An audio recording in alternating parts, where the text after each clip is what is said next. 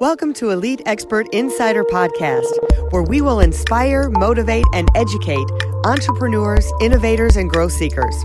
Brought to you by Elite Online Publishing, making the best and brightest in the industry number one best selling authors.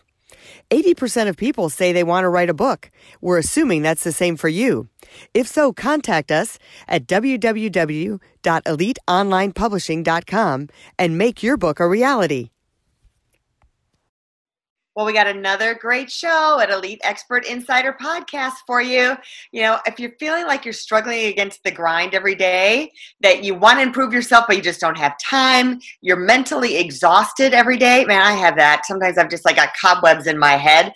We're going to talk to an expert today, Sarah Prince, about how to overcome some of those things. And, you know, like you want to quit carbs, you want to quit she was like, I'm quitting my job, I'm quitting carbs, I'm quitting all, I'm stop saying I'm going to quit it, I'm going to actually do it. So we have a great show for you. And you know, speaking of that daily grind, Jen and I developed um, a great daily planner that helps keep you organized, focused, get what you need to get done. If you have a video, you can see it, Elite Planner. It's just so awesome. It starts out with your goals for the month, the goals for the week, the thing that moves you forward, what you're grateful for, the one skill you want to learn. So if you want to get ahead and you're looking for that planner Bible, I'm going to call it because it's like the master planner, look on Amazon for Elite Planner. So let's get started. Sarah, welcome today and thanks you're going to give us such great content. We're looking forward to it. Hey, no, I am truly honored. I'm way excited and thank you for having me. Well, tell us a little bit about yourself, Sarah, and kind of how you got to this point now of being your own boss and having your own business. Sure, sure. It's uh, you want the 30 minute version or the three minute version?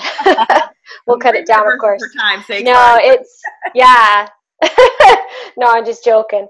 I was the mom that followed the quote realistic path. You know, I went to school for engineering and I convinced myself that that is something I love to do. And I went through a long, long time of living in the corporate world and doing things that I actually didn't enjoy. And it took a really hard wake up call one day when I realized that I hated what I was doing, right? I had only done it for the money or for the good, uh, oh, what's the word, benefits, good benefits. And I realized how much, how unhappy I was, even though I had done everything right, right? Those of us that are on video, you can see I'm, I'm doing air quotes a lot.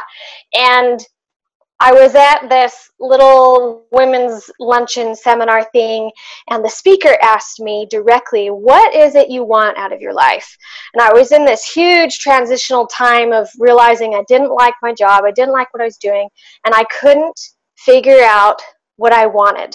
I, as a mom and working a business, well, all of us really, we're taught so much to give and serve. You take care of others before you take care of you. You've got kids to feed. And I was at that point where I'd completely forgotten who I was and I, I didn't know what I wanted in life anymore. And so I started making huge changes. And you talked about quitting earlier, right?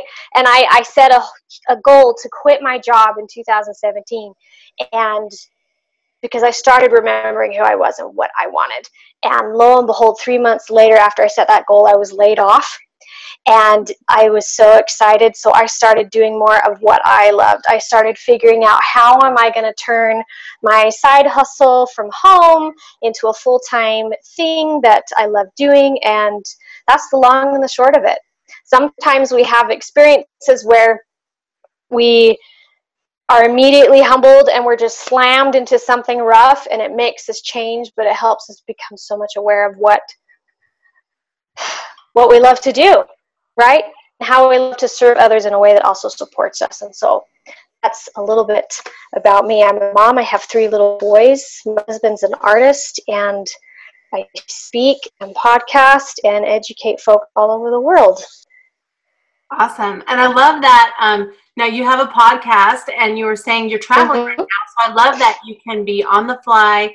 You can do your own things yes. your own time, set your own goals.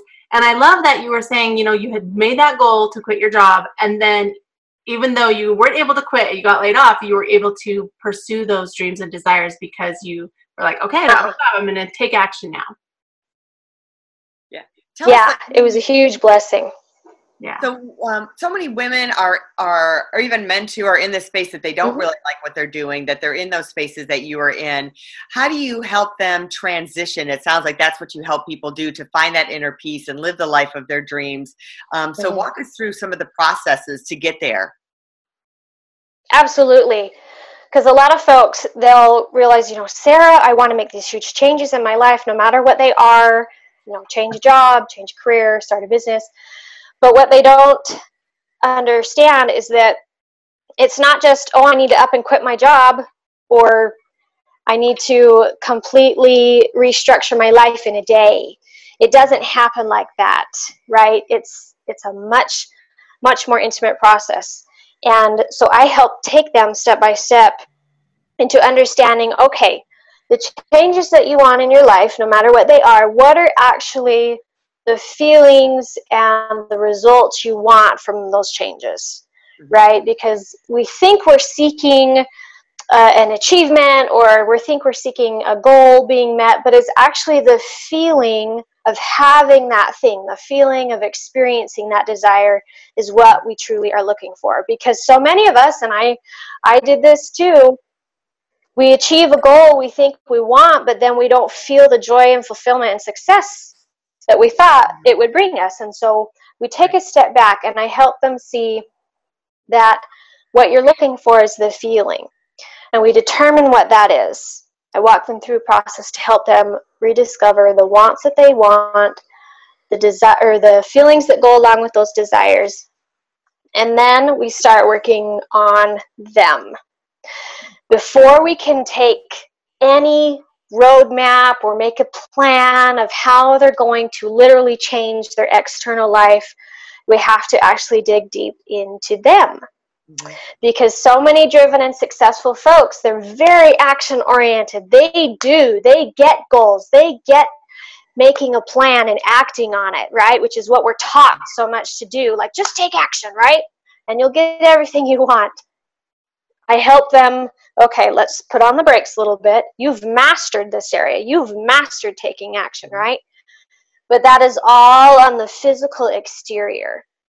And what these folks don't realize, and I was in the same boat, is there are three levels inside of you that you haven't been nurturing and supporting as well as the outside of you, the action mm-hmm. part. And so I walk them through a process so that they can understand what are their mental needs, what are their emotional needs, what are their spiritual needs that are going to support them from the inside out so that their physical actions will actually bring those feelings of fulfillment and joy that they want.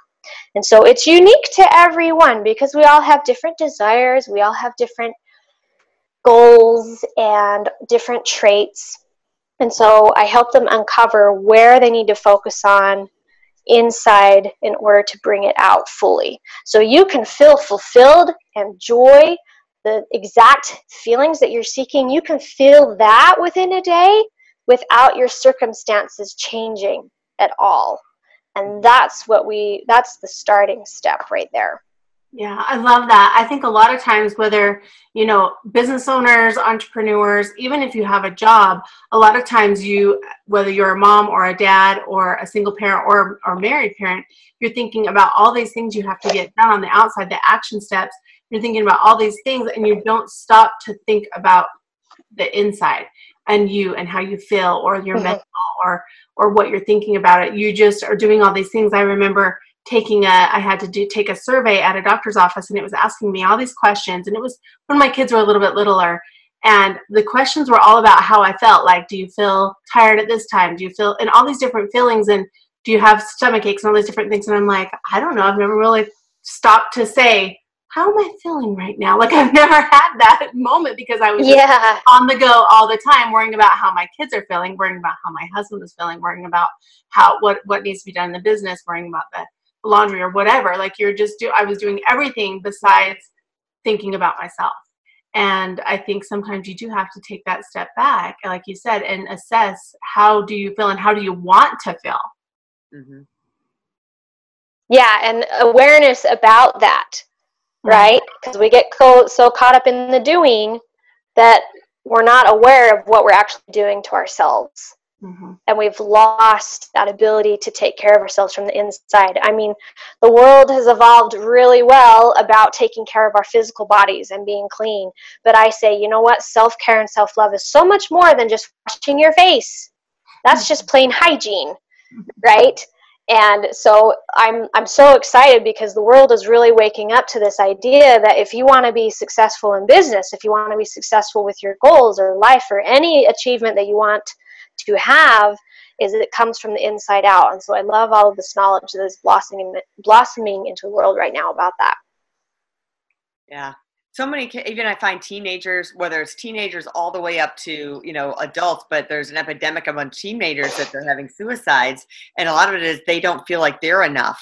They don't know who they are. Yeah um, and it's trying to find who who that is.